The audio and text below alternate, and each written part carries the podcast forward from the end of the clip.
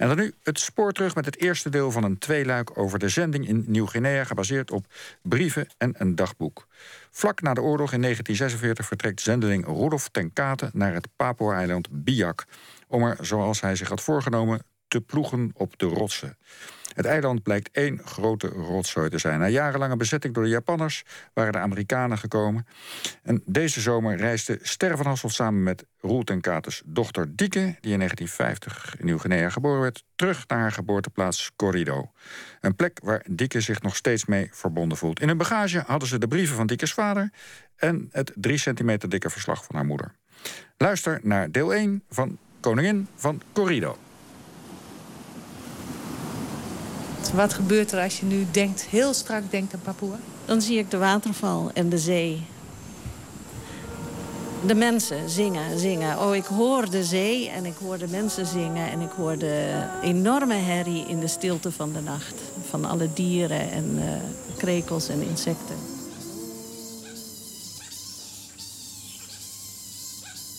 Waar de zee in eeuwig golven bruisen het stille strand zo rusteloos omgeeft. Wat denk je aan als je aan Papua denkt? Vroeg ik Dieke ten Katen, nog thuis in Nederland. De zee, de mensen. Waarom ga je niet mee deze zomer?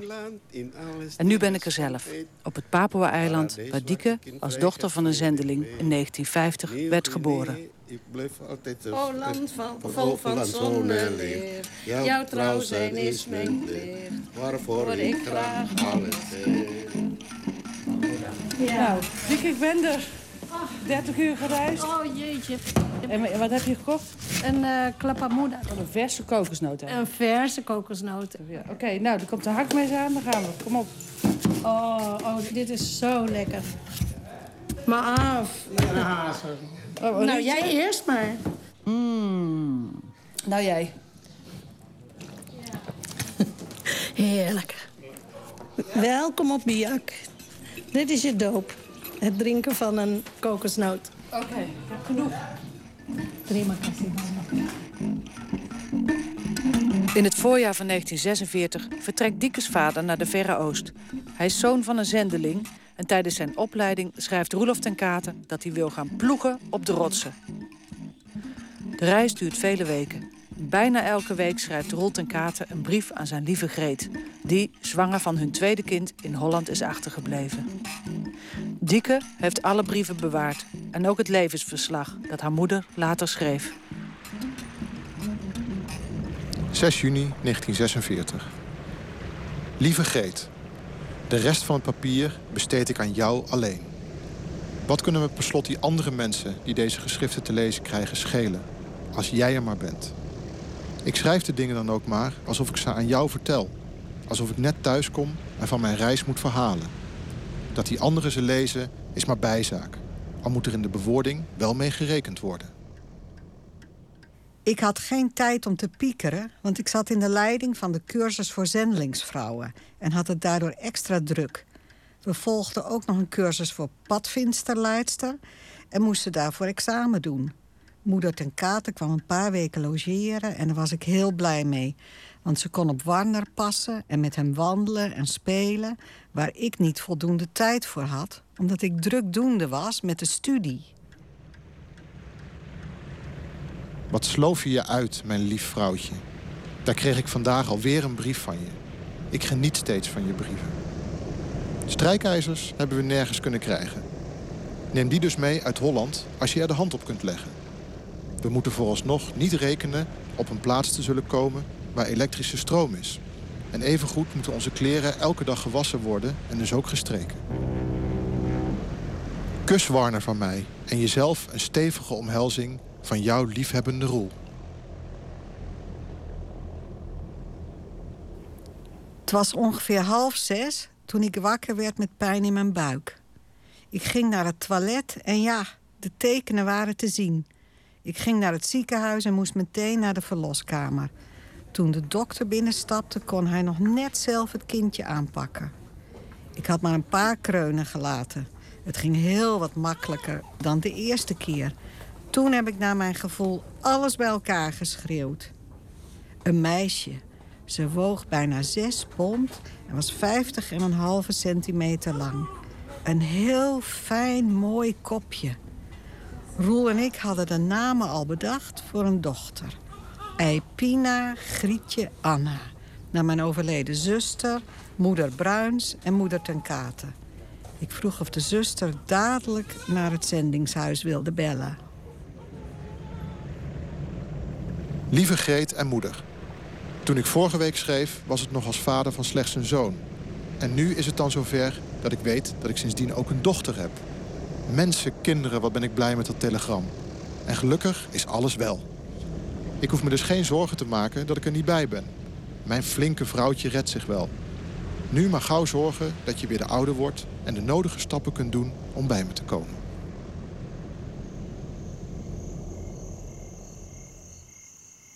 ...22 augustus 1946. Biak. En Greet, hoe gezellig ik het in Holland ook vond... een kleedje zus en een karpet... hier mis ik het helemaal niet. We hebben hier geen stukje glas... en gordijnen hebben we ook niet nodig. Onze huisjongens Petrus en Paulus houden het huis schoon... Ja, een goede Hollandse huisvrouw zou er wel wat op aan te merken hebben. Maar we vervuilen niet hoor. Ze doen alles onder ons toezicht. Zij heten Petrus en Paulus. Het waren waarschijnlijk kinderen die een andere naam hadden gehad... maar die vanaf dat ze gedoopt werden dus bijbelse namen hadden gekregen. Dit waren dan geen vrijgekochte slaven meer. Die tijd was voorbij, maar het was al een beetje traditie... dat zendelingen slaven vrijkochten die dan bij hun in huis kwamen, toch? Klopt, dat, dat was de, van oorsprong de, de, de werkwijze. En vaak waren het dan die slaafjes, die vrijgekochte slaven, kwamen dan in huis. Want ze konden, niemand wist waar ze vandaan kwamen. En uh, die zendeling had ze dan gekocht en kwamen in huis en hielpen dan met allerlei dingen. Werden onderhand meteen opgevoed en, en kregen van alles geleerd. Ook uh, lezen en schrijven door zo'n zendeling. En, uh, en bijbel, bijbelles en godsdienstoefeningen mochten ze meedoen. En vaak waren dat dan ook de eerste dopelingen. Eet maar flink fruit, want dat kan ik je hier straks niet zo royaal geven. Er groeit hier niet veel goeds. In zee kun je zwemmen en ik deed het al een paar keer. Ik loop hier de hele dag in short, behalve zondags. S'avonds doe ik een lange broek aan. Vooral tegen de muggen die beginnen te steken. Wat dat betreft zou zoiets voor jou ook wel prettig zijn. Koop nog wat scheermesjes voor me. Je mag er nog wel een paar honderd kopen. We hebben hier geen naaimachine. Breng maar de beste naaimachine mee die je kunt krijgen. Want als je daarmee gaat tobben... Tot dusver heb ik nog niets gestopt. Daar ik niet erg sleets ben, is er nog niet veel stopwerk. Je weet dus wat je te wachten staat. Mijn vader die was dus van tevoren uh, hierheen gegaan om, om kwartier te maken, zo na de oorlog, om te kijken of het leefbaar was. En ja, hij schreef mijn moeder na een poos: Nu kun je komen hoor, we kunnen hier goed wonen. Nou, na een lange reis kwam mijn moeder hier aan en werd opgehaald door mijn vader en kwam terecht bij het.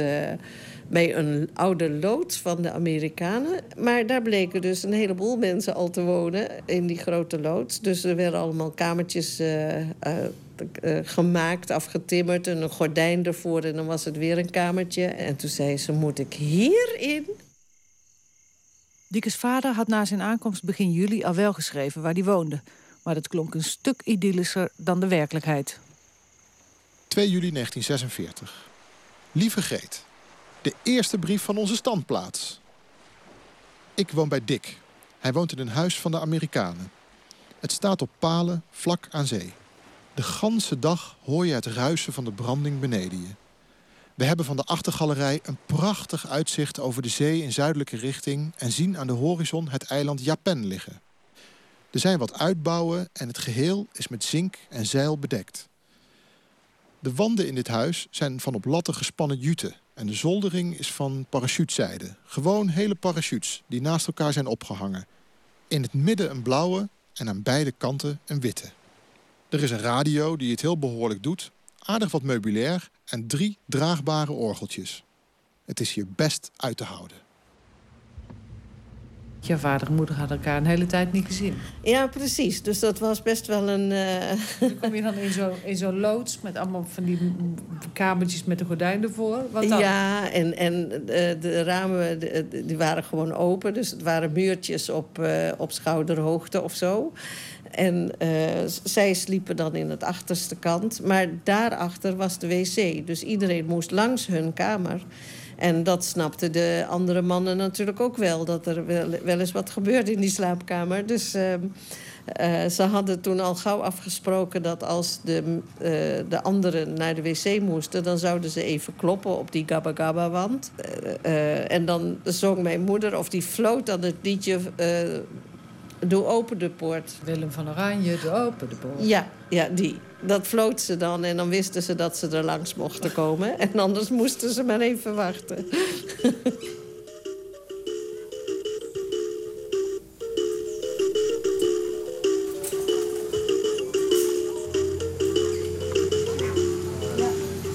Wonderlijke verzameling van allemaal verroeste uh, granaathulzen. Zijn dit bommen? Een half vliegtuig, allemaal kapotte helmen. Ja. Afweergeschud en allemaal verroest. En dit is wat je ouders aantroffen dus, hè? Toen ja, maar oorlog. dan verspreid over het hele eiland. Overal in de bush, op, het op de stranden in de zee... lagen dus uh, dit soort dingen. Maar ook hele grote wrakken nog van uh, oorlogsschepen en uh, dat soort dingen. Maar in al zijn brieven trouwens schrijft hij wel van... oh ja, neem dit ook nog mee. Of neem dat ook nog mee. Dus, dus kennelijk was er wel gebrek aan van alles. Een naaimachine, een brievenwegertje, weet ik het allemaal. Uh, dat klopt, er was gewoon bijna niks hier. En ze moesten zich met van alles en nog wat maar zien te behelpen. Het is een soort toeristenattractie hier in Biak. Ja, dit is, uh, dit is zo waar door de regering een opgezette toeristenattractie. In de oorlog bezetten de Japanners Biak... en veel Nederlanders en andere Westerlingen kwamen in Jappenkampen terecht. In juni 1944 vielen de Amerikanen Biak binnen. En ze richtten er een grote legerbasis in. De grotten waar de Japanners zich tijdens de Amerikaanse aanval in verstopten... zijn nu een toeristische attractie. Kijk uit, het is hier heel erg glad op deze trap. Trap, trap naar beneden. We gaan nu ja, de grot okay. in. Oh, nu gaan we de grot in. Okay. Ja. Waar die Japanners zaten. Ja. Oh, het wordt lekker cool. We gaan naar beneden. Boven ons het bos. Op een groen uitgeslagen, groen uitgeslagen trap. Daarom is die glad. Dus die stad, hoe, hoe zag Biak? Was het een stad toen je ouders hier kwamen? Ja, maar nou eigenlijk niet. Het was een verzameling kleine dorpen, uh, heel verspreid over de vallei en tegen de bergrand aan en boven het water waren dorpen. In Biak is gigantisch gevochten en de lokale bevolking vluchtte of, of werd overgeplaatst naar de eilanden rondom. Hij trof hier een gehavend eiland aan, vol met Amerikanen en Nederlanders. Vooral militairen die de rotzooi moesten opruimen van de oorlog. En er waren uh, NSB'ers. NSB'ers? Ja. ja um, jongens die, uh, de NSB'ers, die mochten na de oorlog, lag eraan wat ze hadden gedaan natuurlijk, mochten ze vaak kiezen of ze vijf jaar de gevangenis ingingen of een jaar naar Nieuw-Guinea om te helpen de oh. rotzooi op ja. te ruimen. En de jongens kozen dan natuurlijk, omdat het korter was, vaak naar voor dit. Maar die waren doodongelukkig, want ja. het was hier echt een bende en heet. Maar die moest jouw vader dan ook opvangen geestelijk ja, met die, hun nou, problemen? Moest, maar ze kwamen wel smeken bij mijn vader iedere keer van... ik heb het zo moeilijk, dominee, dominee, ik wil schuld bekennen. Ja, ja.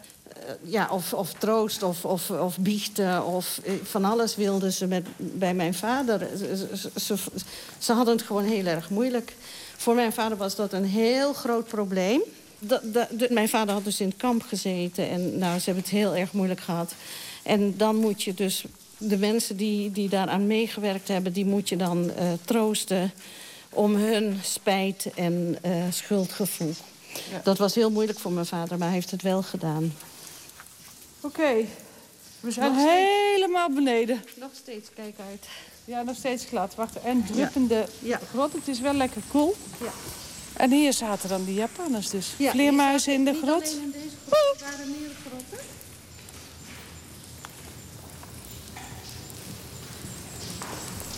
Vleermuizen, hele hoge grot. Echo. Ja, de Japanners zaten hier. En dat is dus ook wel een mooi verhaal. Eh, er zaten in de grotten en de ene grot werd echt als ziekenhuis gebruikt... en de andere voor munitieopslag. En de andere als uh, slaapplaats voor de soldaten, Japanse soldaten. De Amerikanen wisten dus dat hier Japanners zaten, maar ze wisten niet waar. Ze konden ze niet vinden, want ze verscholen zich in de grotten.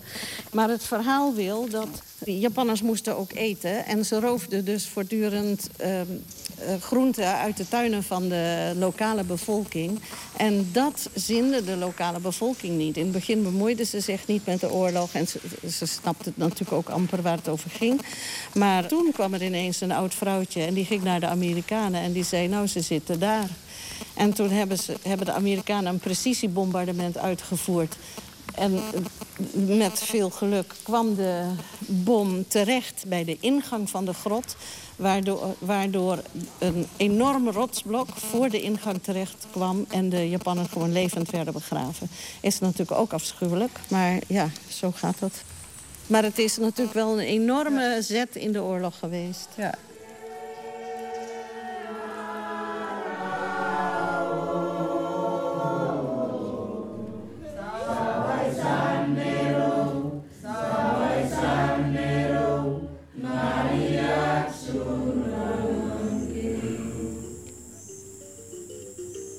de capitulatie van de Japanners in augustus 1945... roepen Sukarno en Hatta de Republiek Serikat Indonesië uit. Het geïsoleerde Biak merkt weinig van de onafhankelijkheidsoorlog... die tot gevechten tussen Nederlandse militairen en Indonesische vrijheidsstrijders leidt. Maar op 18 maart 1948 waait de opstand ook naar Nieuw-Guinea, Biak, over. Moeder Greet schrijft daarover... Van gepraat en geschiet werden we wakker. We keken vanuit ons bed uit over zee. Wat was dat nou? We zagen kogels vliegen tussen ons huis en de klapperbomen. Een patrouilleboot zagen we langsvaren en prauwtjes zonder mensen erin. We kleden ons snel aan en ontdekten overal Papua's van het dorpje Sasouf. Op onze trap en het voorportaal en onder het huis. Zij waren ook in hun slaap verrast. Hollandse militairen met geweren en standguns stonden op de weg. Roel wilde er regelrecht naartoe lopen. Ik zei, oh, doe dat alsjeblieft niet. Roel, ik moet toch weten wat er aan de hand is? Hij liep goed zichtbaar naar de eerste militair en hoorde van hem dat er een politieke bende in actie was gekomen en een groep jonge biakkers had meegekregen. 18 maart 1948. Biak. Een sergeant Schippers van de radiodienst was in zijn bed doodgeschoten. Vandaar dat het s'nachts zo'n herrie was. Men had ons niet gewaarschuwd. Bedoeling was eerst de basispolitie te overrompelen... daarna de Hollanders een kopje kleiner te maken... beide bestuursboten in te pikken... en dan naar het eiland Japan te varen om daar dezelfde grap uit te halen. En dan door naar Manokwari om uiteindelijk Nieuw-Guinea aan de Republiek Serikat Indonesië aan te bieden. Gelukkig is het bij tijds uitgelekt en is er maar één dode gevallen. Gelukkig werd hun plan op tijd ontdekt. Het was een akelige situatie op Biak. Je eigen mensen niet meer te kunnen vertrouwen.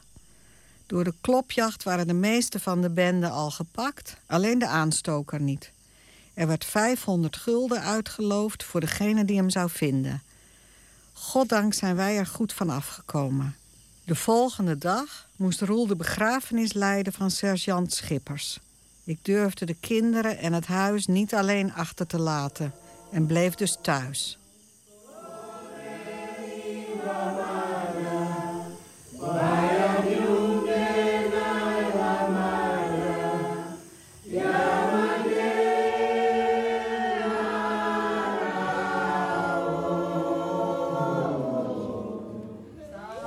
Toch is het overwegend rustig op het paradijseiland met zijn witte stranden. Diekes moeder Greet vindt haar draai in de poffertjeskraam. Die ze zo noemt omdat de Amerikaanse loods op de oude Apeldoornse poffertjeskraam lijkt. Ze raakt erg gesteld op de Papua-jongens Petrus en Paulus. Al brengen de tropen, ook nare zaken met zich mee voor een propere Hollandse huisvrouw. We kregen in deze tijd via het bestuur ook wat fruit uit Australië. We moesten wel elke appel en sinaasappel met elkaar delen. Zo weinig was het meestal. Een slang doodde een goede legkip. En we hadden helaas nog vaak last van leguanen. Soms vonden ze de eieren van de kippen en aten die op. De jongens schoten de leguanen wel dood, maar steeds kwamen er weer nieuwe bij. Jouw moeder schrijft ook erg veel over ongedierte. Slangen, wat nog meer? Een leguaan, ze was nog maar net in Biak aangekomen. En uh, ze, wist, ze wisten echt helemaal niks hier van, van de natuur. En uh, ja, mijn vader en uh, de andere dominee die hem moest inwerken... die waren weg voor het werk. En zij was alleen thuis voor het eerst. En ineens ziet ze dus een leguaantje in huis... En het zijn volslagen onschuldige dieren, maar dat wist zij niet. Dus ze sprong gillend bovenop de tafel en ze durfde er niet meer af te komen. Tot overmaat van ramp vertelde die dominee achter toen... dat uh, die leguanen onder het huis wonen. Dus ze heeft de eerste nacht helemaal niet geslapen, droomde alleen maar over leguanen. Maar toen werd er verteld dat die volslagen onschuldig zijn voor mensen, zijn vegetariërs. Dus... De poffertjeskraam werd zo slecht dat er van alles aan ging mankeren. Ik moest altijd maar extra schoonmaakbeurten geven, mieren en muizennesten verwijderen en zo. Het laatste muizennest zat in een boekenkist, waarvan heel wat boeken waren opgevreten. Ik sleepte alles naar buiten en bestrooide het met borax tegen de kakkerlakken, DDT tegen de mieren en andere beesten en ik deed nieuwe naftalineballen in de klerenkasten. De kat ving drie avonden achter elkaar een grote rat. Die waren door mij waarschijnlijk uit hun schuilplaats gejaagd. Niets kan ons meer van elkaar scheiden. Samen bouwen we de toekomst op. Dan zal eendracht ons tot welvaart leiden. Van Merauke tot de vogelkop. Kom in donkere In 1948 wordt de Hollandse zendingspost naar het aangrenzende eiland Supiori verplaatst. Nieuw-Guinea, ik over dan als het moet. Alles mijn goed en bloed. De oude zendeling dominee Achter, die voor de oorlog al op Biak en Supiori had gewerkt... gaat met gezin ten katen mee de Rimbo in. Wij zijn ook op weg naar Corrido. Tegenwoordig verbindt een brug Supiori met Biak. Waarom de, ze de zendingspost van Biak naar Corrido verhuisde... was onder andere dat hier uh, minder malaria voorkwam... dat er drinkwater uh, beschikbaar was van de, grote rivier bij Corrido. En uh, vlakbij de zee heb je gewoon sowieso minder muggen en ongedierte. Maar het is, was altijd een negorij, hè, Corrido? Klopt, een heel gesloten negorij. En, en de, het enige vervoer wat mensen hadden was de, was de benenwagen en de prauw. De biakkers, waaronder dus ook de corridoors vallen. Die, dat zijn echte zeelieden die, die heel ver weg konden varen in die grote prauwen. En, en wie beslist nou dat zo'n zendingspost van de hoofdstad, zeg maar, wat het ook voorstelde in die jaren, uh, naar zo'n afgelegen plek gaat? Het besluit werd genomen door de zendingsleiding op het eiland uh, in, uh, in Jaipur, in voormalig Hollandia. Maar mijn vader was daar bijvoorbeeld bij en ook dominee Achter. Dominee Achter was een groot voorstander van de verhuizing... omdat hij op Biak al uh, zoveel ellende heeft gehad met malaria... kinderen heeft verloren aan de malaria. En hij zei, uh, Biak is zo'n ongezond eiland, we moeten hier echt weg. Um, ook omdat ze van plan waren een internaat te maken voor jongens van, van alle regio's af... vonden ze het ook voor de jongens veel beter om in Corrido op te groeien. Ook de lokale uh, zendelingen hadden een stem. Het is in gezamenlijk overleg genomen, dat besluit. Onder grote belangstelling van de mensen van Corrido liepen we naar het huis dat we zouden bewonen. Het dak was er in een storm afgewaaid en een gedeelte van de planken vloer was niet klaar. Het regende dat het goot en de eerste nacht konden we met moeite droog slapen. Op de balken boven ons hoofd zaten de meegebrachte kippen en er vlogen enorm grote vleermuizen, vliegende honden. De volgende dag kwamen er 16 Papua's om het dak te helpen dichten. Het was in de oorlog beschadigd en het hele huis was verveloos. Een troosteloos gezicht. Er hadden Japanners in gezeten. Het erf was één grote wildernis met hier en daar bomtrechters. We hadden tijdelijk ramen van Amerikaans tentdoek. Voor de deuren naaide ik gordijnen. De zitkamer was na een paar dagen hard werken weer gezellig. Een mat op de houten vloer, het rotanzitje met gezellige kussens, een theetafel met een servies erop, een rotan bloemenstandaard, wat schilderijtjes en de oude petroleumlamp van moeder ten Kate aan de zolder. In 93 keert Dieke voor het eerst terug naar de plek waar ze is geboren. Waar haar moederkoek begraven ligt, zoals ze zegt. Ze maakt de reis samen met haar toen 77-jarige vader. Toen we voor de eerste keer teruggingen, toen uh, was dat een enorme opluchting voor mij. Want ik had voor die tijd het gevoel dat mijn geboorteplaats ligt op de maan. Dat zei ik ook vaak, ligt gewoon op de maan. Ik kan daar nooit meer terug. En, ja, want uh, Indonesië had het afgesloten. Ja, Indonesië had het afgesloten. We mochten helemaal niet terug eind jaren 80, begin 90 begonnen weer mensen terug te komen. Dan ging er zo'n gezoom door Nederland. Weet je wie er terug gaat naar Nieuw-Guinea? Die en die. iedereen kende dan zo'n persoon. Die gaat weer eens terug. Nou, en toen, uh, doordat mijn vader meeging, gingen overal de deuren open. En open dit, dat en kaarten. Ja, nou, geweldig. Het corridor was ook hun gelukkigste plek. De, plek waar, waar, ze het meest gelukkig waren geweest. En uh, dus het was heel erg leuk. En... Maar goed, maar voor je vader, man, om hier... Ja, Hoe nou, vond u dat? Hij, ja, toen moesten we nog met een prauw naar het corridor. En de manier waarop hij die prauw opliep... dacht ik, het lijkt wel of hij hier gisteren ook nog was. En eergisteren gewoon of hij niet weg geweest was. Toen ik de eerste zondagmiddag alleen op de achtergalerij zat... kwam er een dankbaar gevoel over me. Wat was het hier mooi met het uitzicht op de bergen.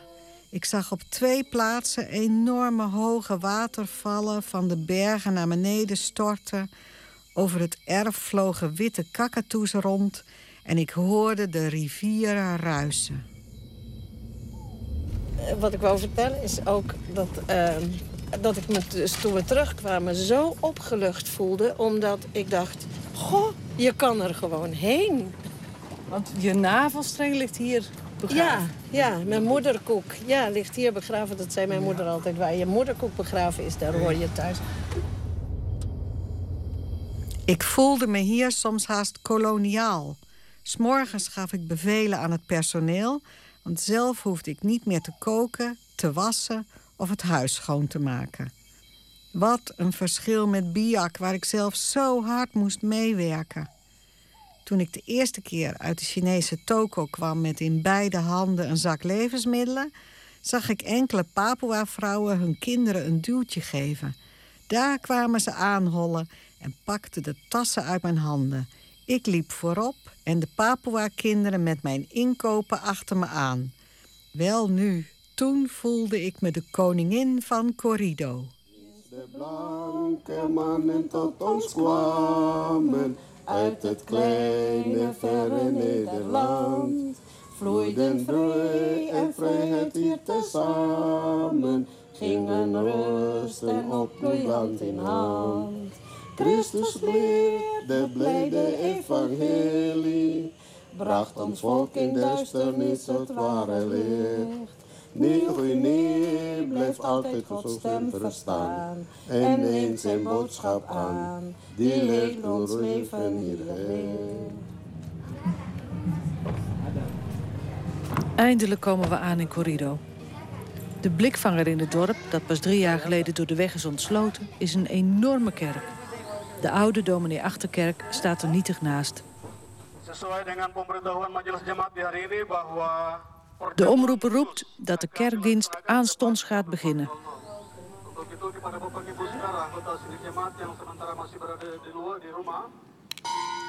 En we zijn nog maar net in Corrido, of we zitten al tussen Papua's... in keurig gesteven blouses en witte overhemden in een bloedhete kerk.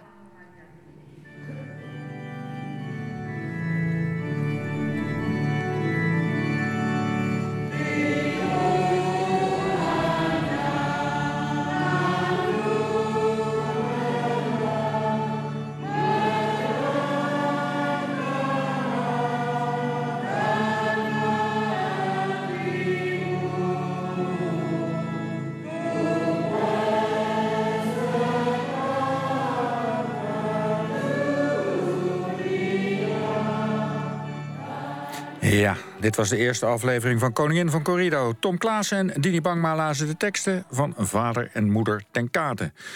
Uh, Ster van Hasselt tekent voor de documentaire die u net hoorde. En Alfred Koster deed de techniek. En natuurlijk veel dank aan Dieke ten Kate. In Corrido kon het ploegen op de rotsen dat dominee Roel ten Kate zich had voorgenomen nu echt beginnen. Hij richtte er samen met dominee Achter een internaat op, de Jongens Vervolgschool waar Papua's werden opgeleid om ooit het bestuur over te gaan nemen.